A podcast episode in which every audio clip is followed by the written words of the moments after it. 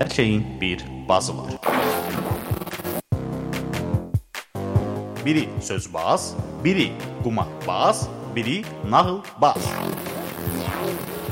Axşamınız xeyir olsun, əziz gənclərin səsi dinləyənləri. O isə texnologiya ilə maraqlananların bazıdır. Beləliklə studiyada mən, Böyük Vahid, Hər həftənin cümə axşamı texnologiya ilə maraqlananlar üçün Vahid Qasımovun təqdimatında Bas.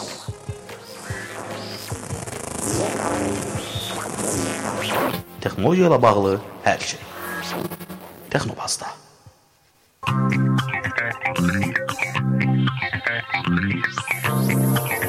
hər vaxtınız xeyir olsun, əziz gənclərin səsi dinləyənləri. Bu gün yenə günlərdən cümə axşamıdır. Saatlar 21:00 göstərir və hər cümə axşamı axşam olduğu kimi efirdə Texnobaz verilişidir. Bizi canlı efirdə dinləyənləri salamlayıram və dinləyən bilməyənlərə ə, şad xəbərim var. Belə ki, ə, bütün verilişlərimizin arxivini csr.fm saytının ə, arxivində ə, tapıb dinləyə bilərsiniz. Texnovazı ilk dəfə dinləyənlərin nəzərinə çatdırmaq istəyirəm ki, Gənclərin Səsi onlayn radiosunun efirindəki Texnobaz verilişi texnologiyaya marağı olan gənclərə ümumdünya texnologiya xəbərləri, yerli texnologiya yenilikləri və milli texnologiya həyatı haqqında biri-birindən maraqlı qonaqlarla müxtəlif mövzularda ə, canlı olaraq gedən bir verilişdir. Biz bu gün də ə, çox maraqlı bir mövzu haqqında söhbət aparacağıq ə, və bununla əlaqədar studiyada düz 2 qonağım var, ə, Hüseyn və Aynurdur. Bu günləri danışacağıq tam belə yay mövzusundan. Ə, yay mövzusu hər kəsin gözəl bir ə, vaxtı var. Artıq dərslər qurtarıb, hər kəsin əlində bir telefon, hər bir telefonda bir ə, kamera 13 megapiksellik çox keyfiyyətli və ə, çəkdiyiniz çox-çox-çox maraqlı bir videolar var. Hansıları ki, adətən çəkirsiniz, telefonunuzda saxlayırsınız. Ondan sonra dost tanışlarınıza göstərirsiniz. Hərçənd ə, həmin videoları daha böyük, daha geniş auditoriyaya göstərməyə imkanınız var. Biz bu günləri məhz ondan danışacağıq. Bizim mövzumuz video bloqinqdir.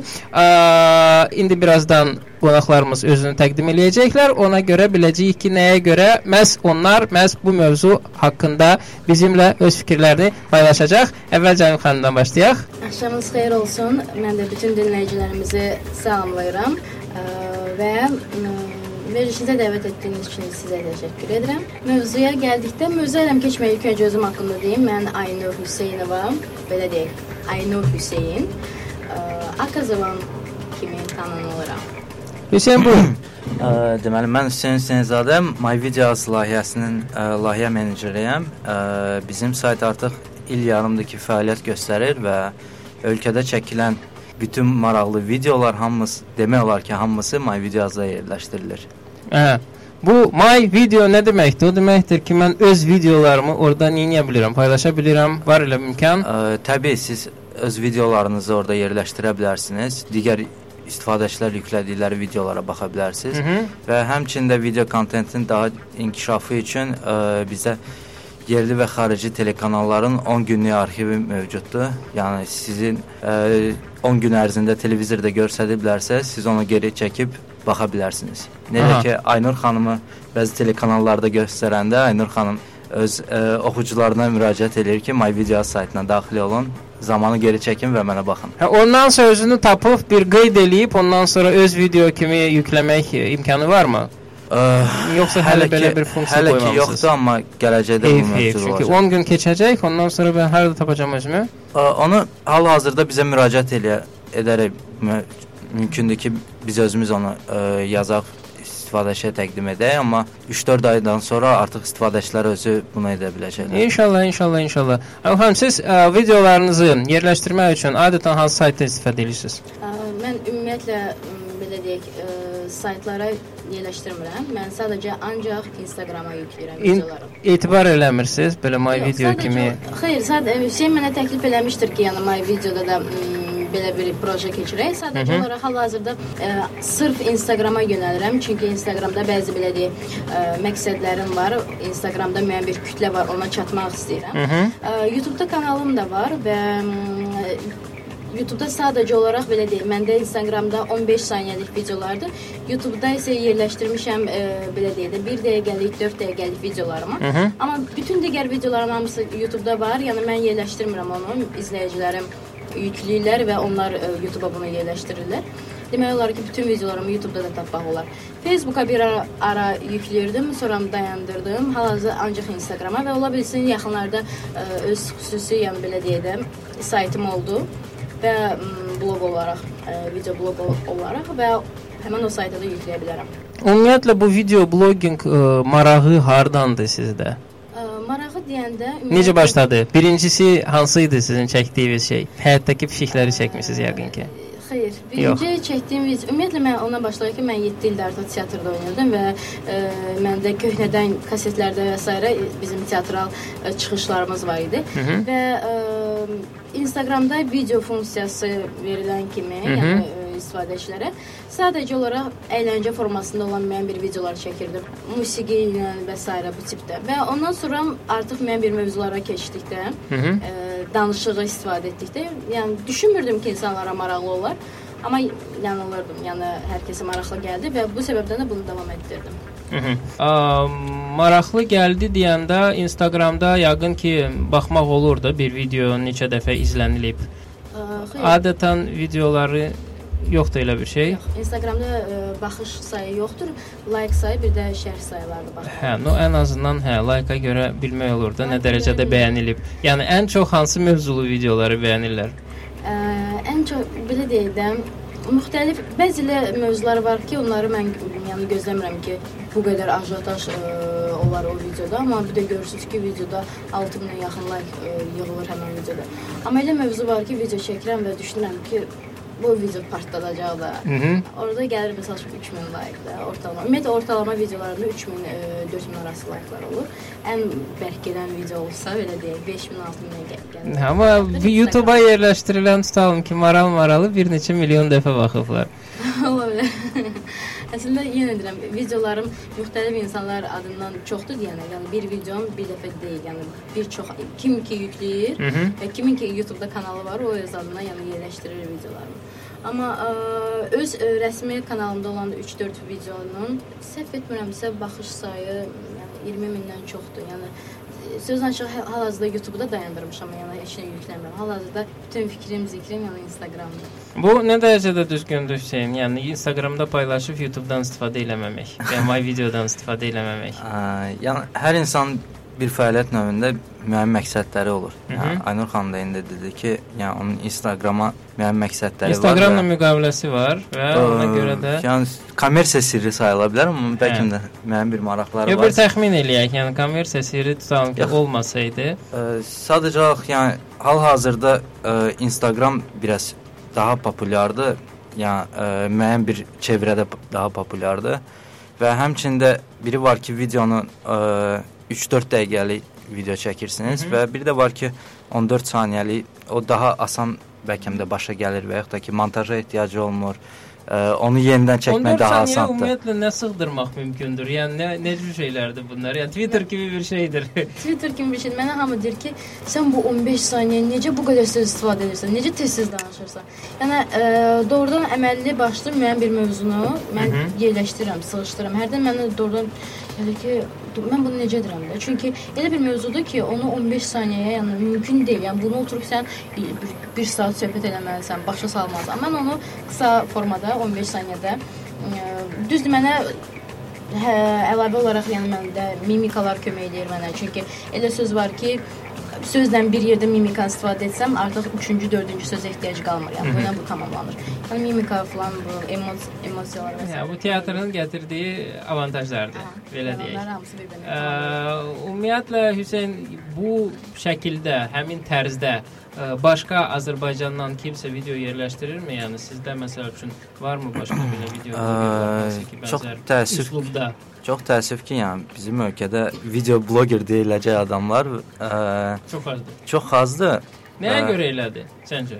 Yəni Məncə- çox çətindirmi? Yəni cəmaətdə iPhone-mu yoxdur? Yox, yox. İnsanların daxilində biraz müəyyən ə, şeylər var ki, hə, kompleksləri var. Özlərini çəkməkdən çəkinirlər. Hə, yəni kimsə məni görər, kimsə məni Görən tanıyar, olur, yəni filan kəs. bu insanlar. Yox, sadəcə kütlə qarşısında belə deyək də, mən misal üçün mənim bir obrazlar var ki, ə, o obrazları bir çox qızlar yəni obraza girə bilməzlər. Birincisi utanarlar, ikincisi düşünərlər ki, hayda mənim haqqımda falan kəs nə deyər və s. Belə götürəndə ümumilikdə heç nə yoxdur. Yəni heç bir pis iş görülmür. Sadəcə olaraq insanların ə, daxilində olan həmin o komplekslər ə, stereotiplərin dalınca getməyə məcbur edir onları və stereotipləri dağıdıb, yəni onlardan fərqlənməkdən, yəni insanlar qorxurlar sadəcə. Onlara da asandır qıraqdan baxsınlar, şərh yazsınlar ki, ay da super güldüm ürəkdən və s.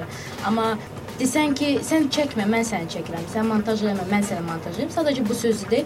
Onda da belə sıxılır. Çünki mənim yəni var bir neçə insan ki, deyirəm gəlin bir yerdə video çəkək və onların o üzündə olan o vahimə ki var. Hətta Video yox. ya bəlkə bu bəsit bir həyəcandır sadəcə belə kamera qarşısında həyəcan.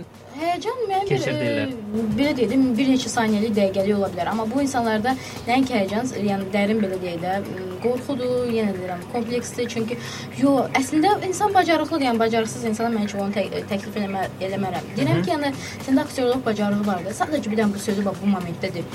Yox da, də, yəni kim gəlir, atam gəlir, mən onu eləməyəcəm. Bilirəm axı niyə bacarırsan? Siz onlara təklif eləyin ki, üzlərinə bir də maska taxsınlar, belə üzləri, gözləri görsənməsin, sadəcə səsləri eşidilsin. Ona da razı olurlar. Daha məcbur oluram deyirəm keç kameranın arxasına. Hə. Kamera yaxın dur, xəstə bu səsini düşsün. Hə, kameranın olar. səs. Yəni səsə razıdırlar. Onda həyəcan ola bilərdi, düzdür?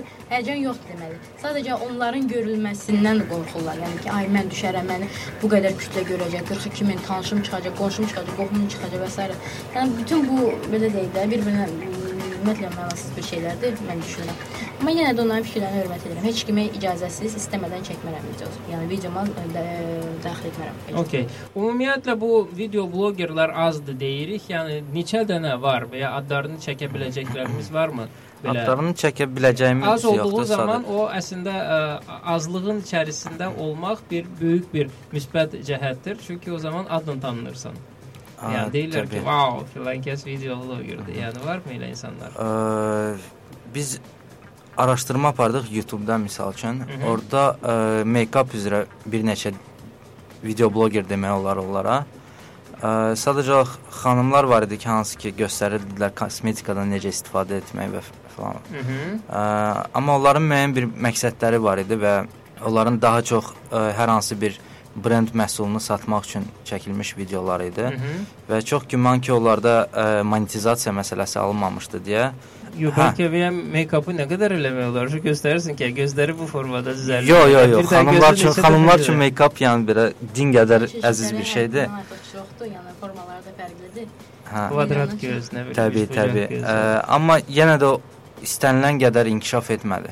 Yəni hətta o sah- sahədə ə, monetizasiya imkanları daha çoxdur. Mhm. Amma o da istənilən qədər inkişaf eləmədi. Yəni. YouTube-a yerləşdirirdilər, onların ə, baxış sayı hardasa 1000-2000 video baxışı idi hər bir videoya.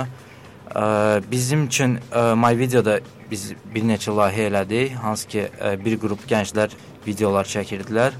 Onlar da müəyyən bir ə, zamandan sonra artıq insanlar ə, müəyyən işləri çıxır və müəyyən artıq gəlir kimi baxmaq istəyirlər. O da alınmayanda artıq ə, boş verirlər bu işi. Mhm.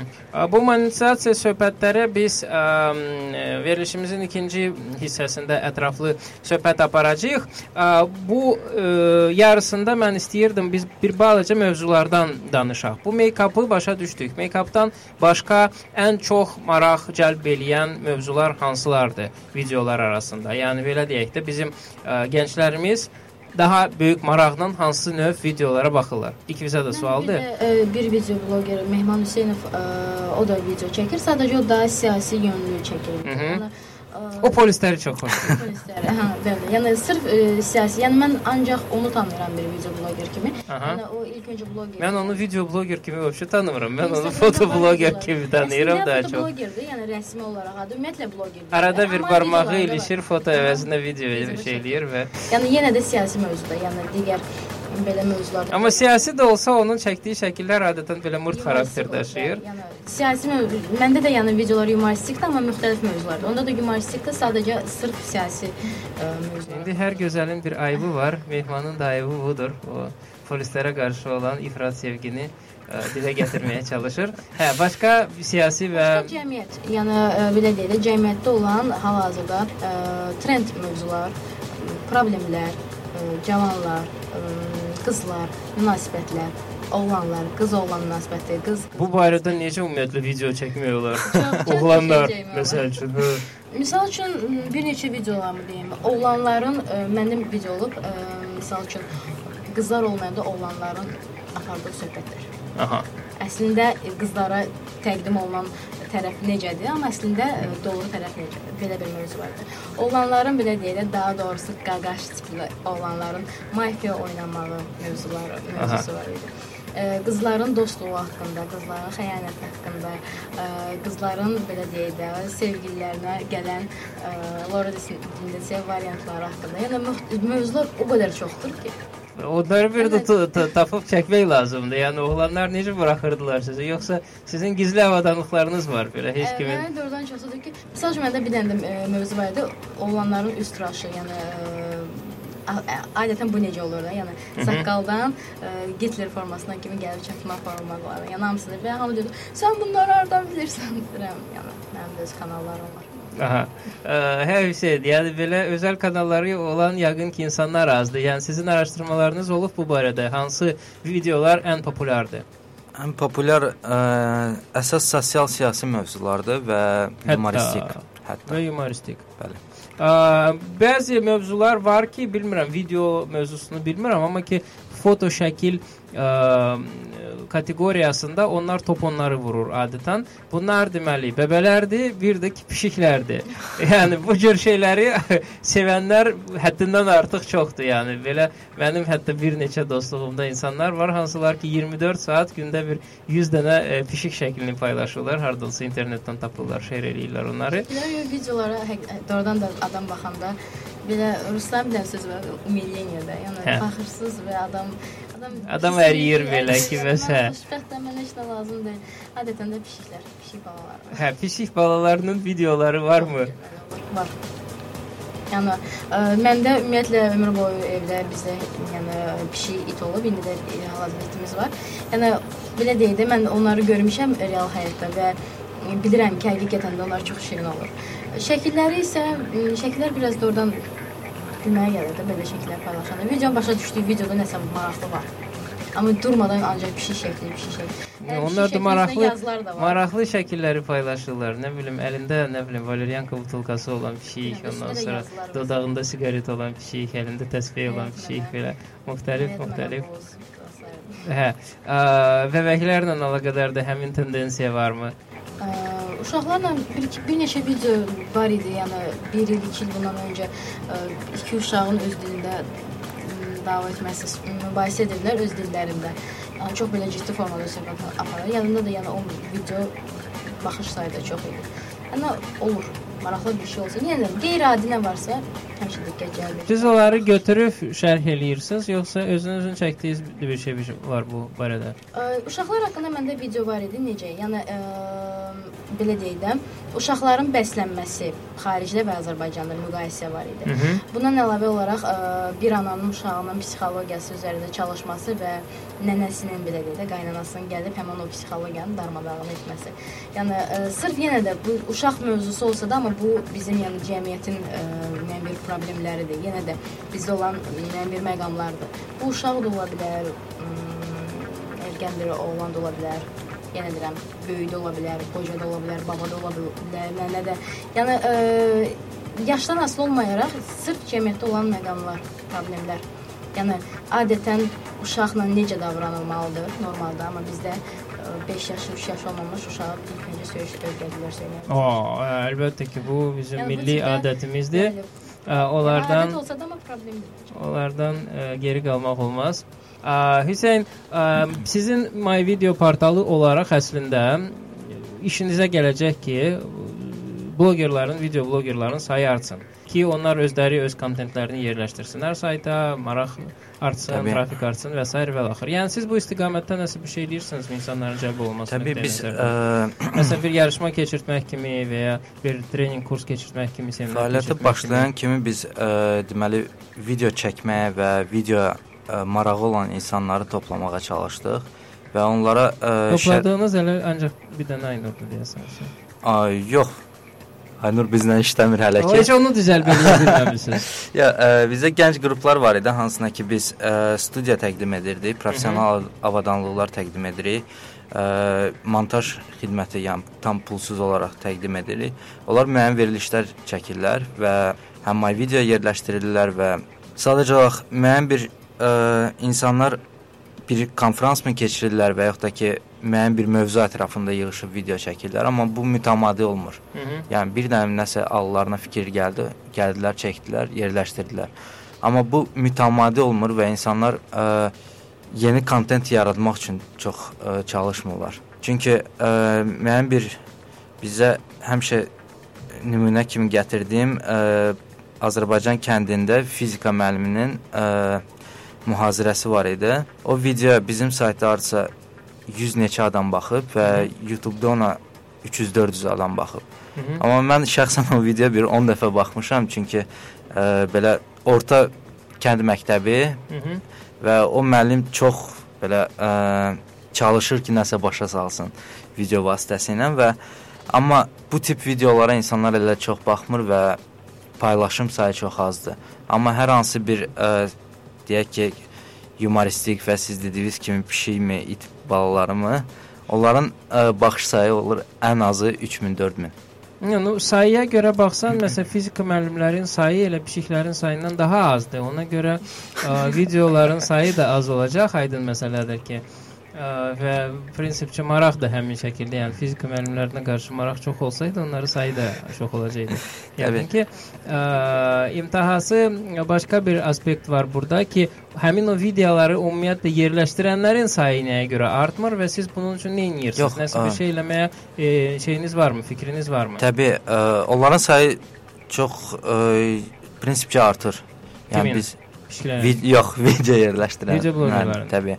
Ə, həmçinin video bloqer də demək olmaz. Yəni insanlar var ki, adi bir videonu özü çəkir. Hı -hı. Yəni ə, və yaxud da ki, kimsə çəkdiyi videonu belə yerləşdirir və yaxud hansısa TV efiri kəsib yerləşdirir. Ə, onların sayı yavaş-yavaş bizim sırf saytda artmaqdadır və hal-hazırda sayta ə, gündəlik 300-400 video yüklənirsə, bunun artıq hardasa ən azı 95% istifadəçi tərəfindən yüklənir. Əla. Ə, Onda gəlin balaca bir videoya baxaq, daha doğrusu balaca bir musiqiyə qulaq asaq, ondan sonra söhbətimizə davam edərik.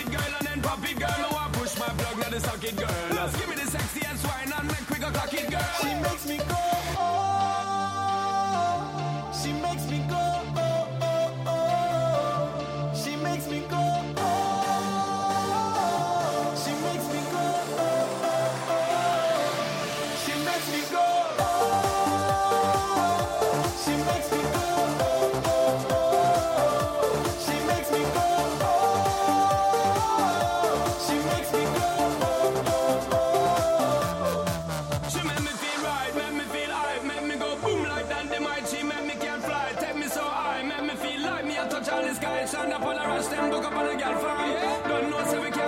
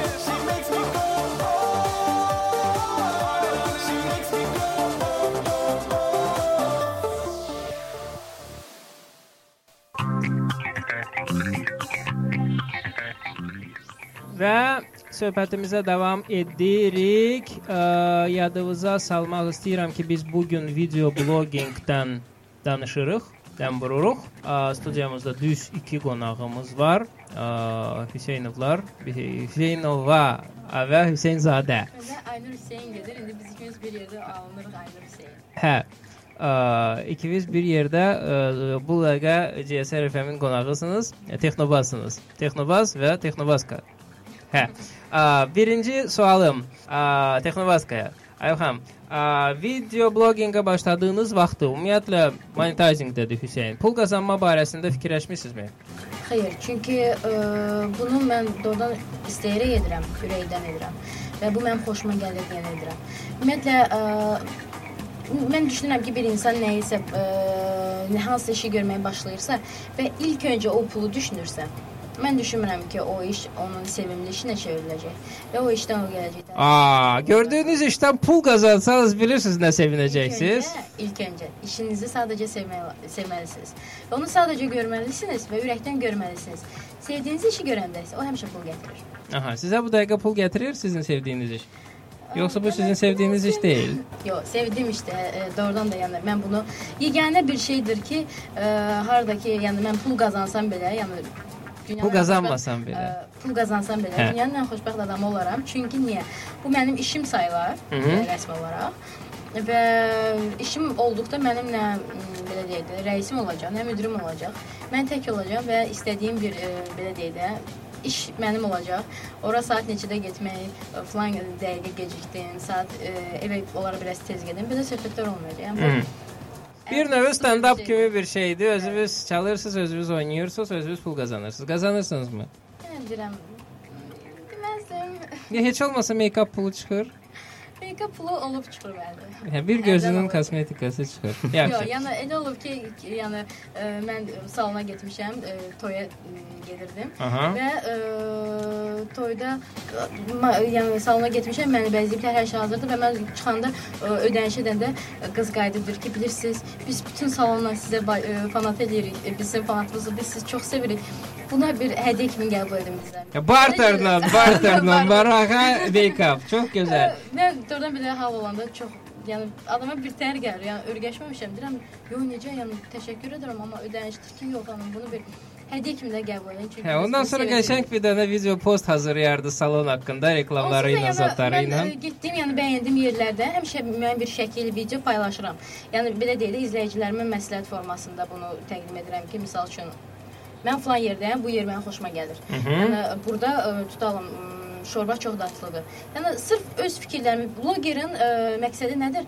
Yəni izləyicilərdən müəyyən bir ə, yönəldir.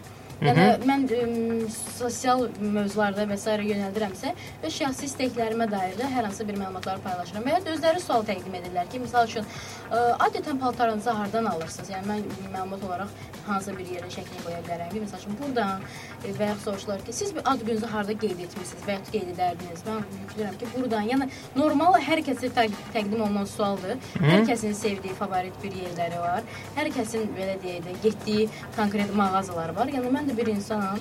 Heç kimdən heç belə götürəndə fərqlənmirəm. Bəzi yəni hisslər olsa da. Amma yəni bu formada paylaşıram. Barter olanda sevinirəm. Aha. Hüseyn ümumiyyətlə video bloqinqlə məşğul olanlar üçün hansı a, pul qazanma imkanları mövcuddur? Mövcuddurmu? Hmm, təbii mövcuddur. Mən biraz arxaya qayıtmaq istəyirəm, yəni video bloqinqin Bu 10 inkişafı haqqında. belə, Yo, 10 yo, yo, günlük 10 gün arxivə. yox. 2-3 dəqiqəlik. Bizim artıq öz telekanalımız fəaliyyətə başlayıb. Ə, My Video TV bu PEK vasitəsilə ə, KTV1 kabel televiziyasında və My Video saytında yayımlanır.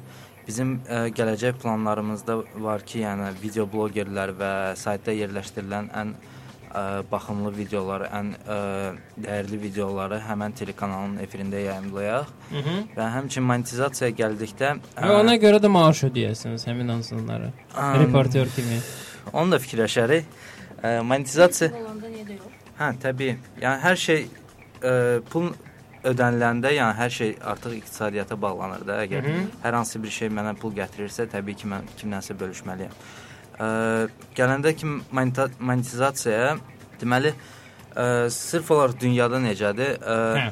video sadəcə olaraq bloqerlər ə, kütləyə çox böyük ə, təsir edə bilirlər. Yəni insan hətta xəbər saytından oxuduğu şeyə elə də inanmır. Amma öz sevdiyi bloqeri yazısına daha çox inanır. Çünki onun artıq ə, lifestyle deyilən bir şey var da, həyat tərzinə öyrəşib.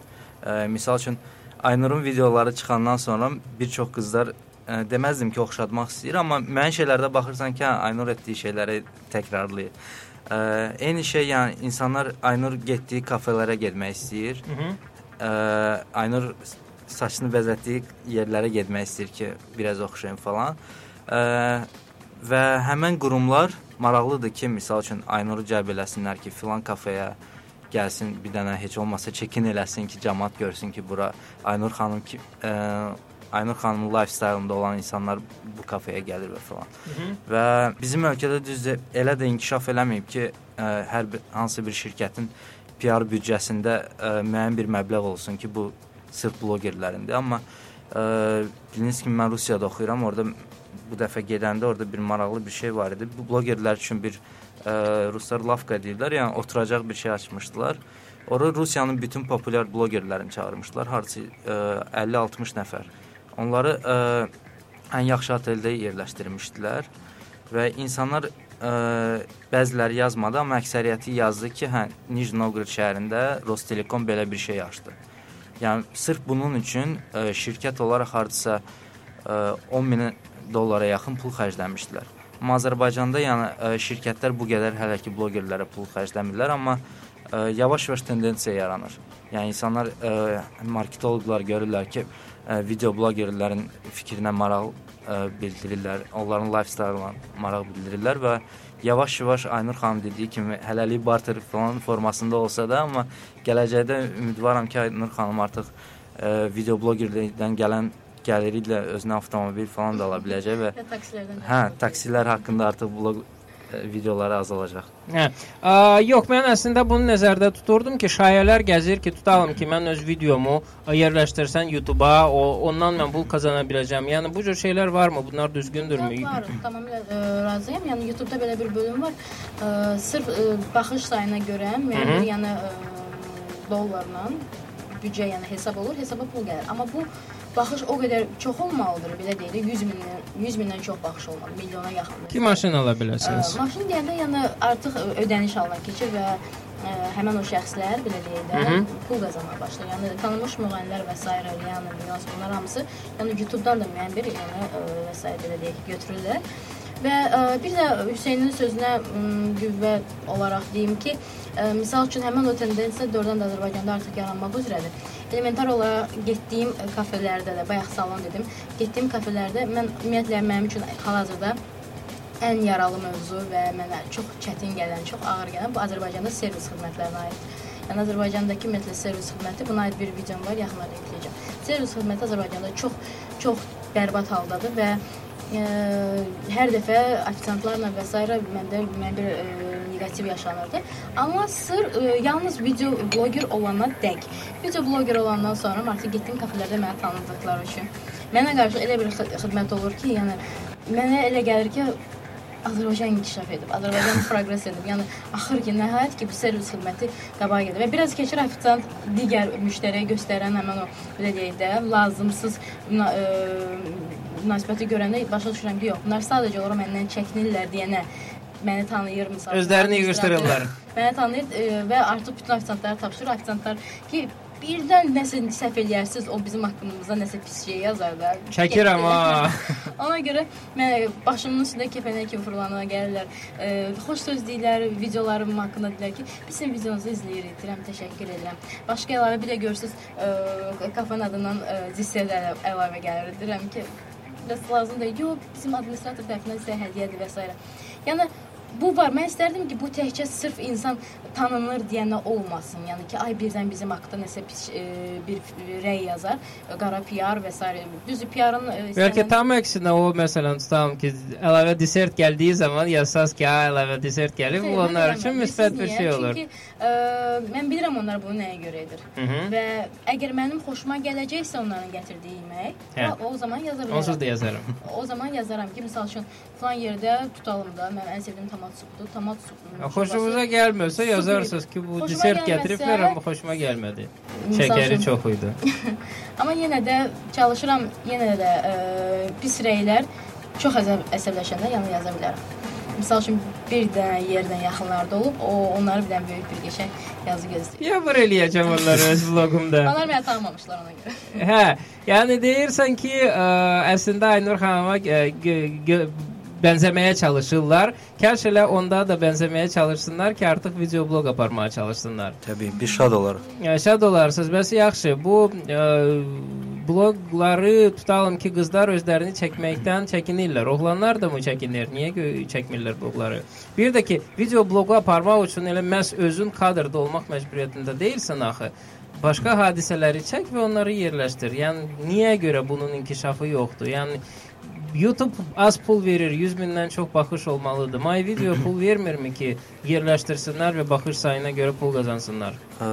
YouTube-un müəyyən şərtləri var, hansı ki, ə, qlobal sayıldığına görə ə, Azərbaycan daxilində biraz tam da ə, aydın deyil. Çünki misal üçün YouTube-da istifadə etdiyiniz video yüklüyürsüz və videoda istifadə etdiyiniz hər hansı bir musiqi və yaxud da ki, hər hansı bir filmdən götürdüyünüz kadra müəllif hüquqlarınız olmalıdır. Hı -hı.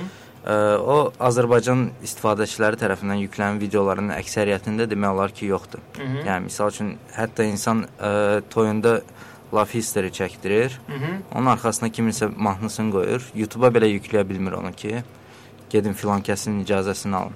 Ə, My videoda biz planlaşdırırıq ki, gələn ildən bizdə artıq monetizasiya imkanı olacaq ki, istifadəçi video yükləyir və həmən video üzərindən nə qədər ki reklam göstərilib, həmən ə, reklamın dəyərinin müəyyən bir faizi həmən istifadəçiyə ödəniləcək.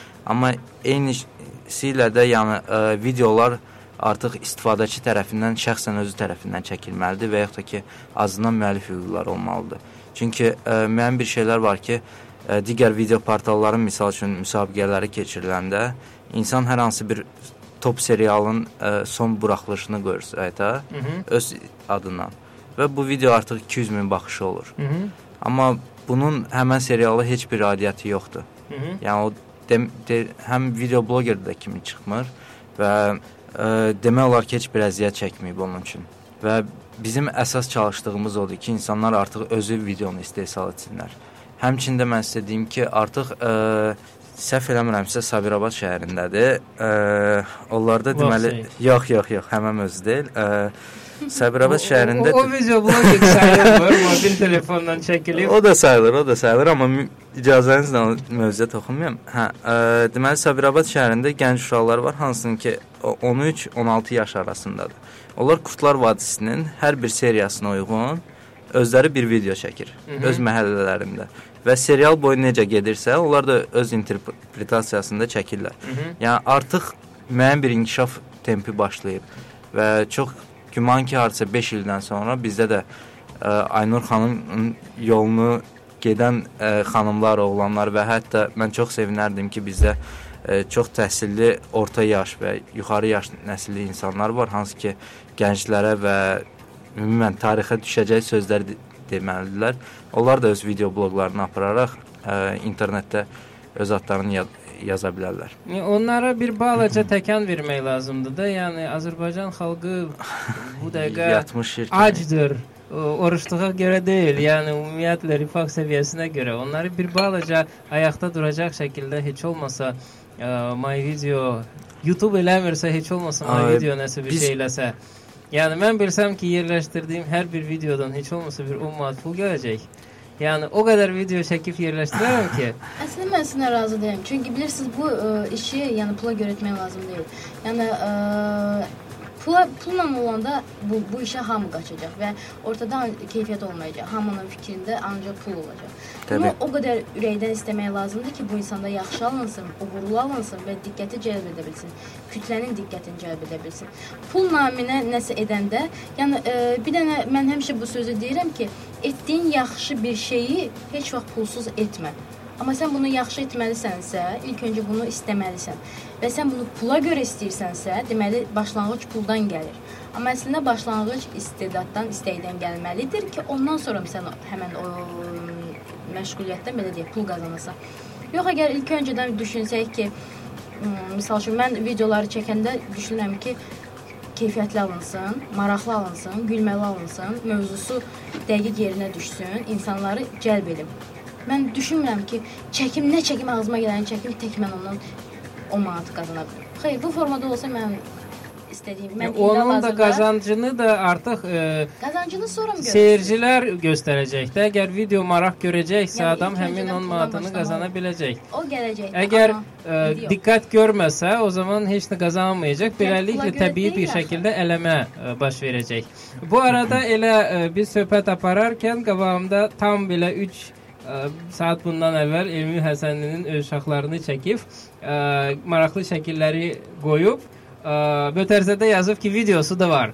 Deməli, ə, video vloqinqlə əslində məşğul olan insanlar var. Sadəcə və sadəcə həmin videolarını Yavaş-yavaş. paylaşmağa onları bir balaca cəlb eləmək lazımdır ki, Əslində elmin başlasa, yəni ə, əkizlərin videolarını çox maraqlı olacaq. Çünki uşaqlar öz özündə çox maraqlı uşaqlardır. Yəni şirinlik bir qırağa. Yəni onlarda müəyyən bir şarm var. Yəni uşaq olsalar da müəyyən bir şarm var və mən düşünürəm ki, elmin biraz belə deyək də fantaziya, kreativlik və s. bunlardan istifadə etsə, hal-hazırda Azərbaycan üçün yenilik olacaq. Yəni ə, uşaqların belə deyək də ə, video bloqinq. Çünki dünyada var belə bir ə, uşaq, yəni anası anası tərəfindən çəkilir. 5 yaş, 6 yaşı var. O həmin uşağın 1 milyondan çox izləyicisi var. Yəni ə, anası düşünür, ə, qızı təkrar edir. Mənim rəfiqəmin qızı da çox istedadlıdır. Hərdən mən də onun videoları çəkirəm və artıq görürəm ki, izləyicilərim o qızı belə deyək də maraqla gözləyir. Hər dəfə mənə yazırlar ki, bəs Aylinlə video harda qaldı? Niyə Aylinlə video yükləmirsiniz və s. Ə, Yəni etmək olar. Mən düşünürəm ki, əgər bir ana, ata görür ki, uşağında müəyyən bir istedad var, artist, ə, artistlik belə deyək də qabiliyyəti və ya səs, hər nə. Yəni bundan istifadə etsin. Yəni özünüz etmirsiniz, bari uşaqlarınıza kömək edin ki, onlar onları cəmaət görsün, kütlə görsün. Bizim ə, heyif ki, maraqlı söhbətimiz axıra çatmaq ə, üzrədir. 1 dəqiqə vaxtımız qalıb. Bu 1 dəqiqə ərzində zəhmət olmasa, ə, gənclərin arasında video bloqinqin populyarlaşması üçün nələr tövsiyə eləyərsiniz? İstər gənclərə, istər təşkilatlara, istər reklam verənlərə ola bilsin ki, məsələn, bu sahə Azərbaycanda inkişaf eləsin və bizim bütün sosial şəbəkələrimiz ancaq Instagram deyil, videolarla dolsun, özdə milli maraqlı videolarla hansılara ki, sadəcə bizim cəmaət deyil, eyni zamanda xaricdəkilər də baxsınlar və bizim videoları oğurlayıb şeir eləsinlər və s.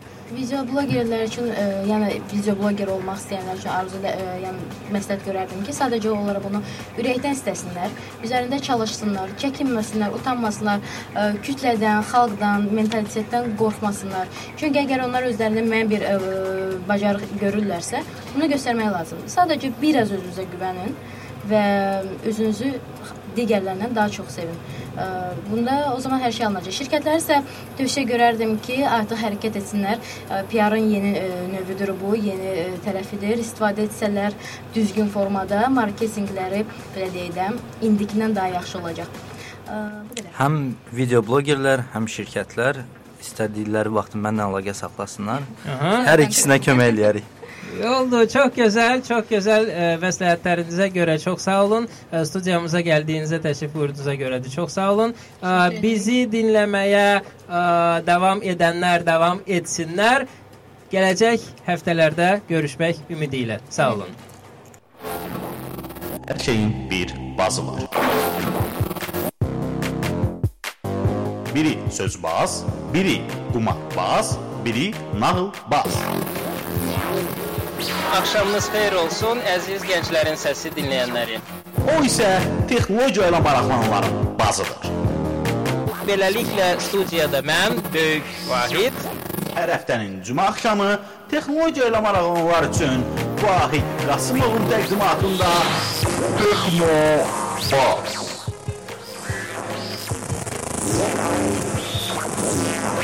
texnologiya ilə bağlı hər şey. Texnobazda.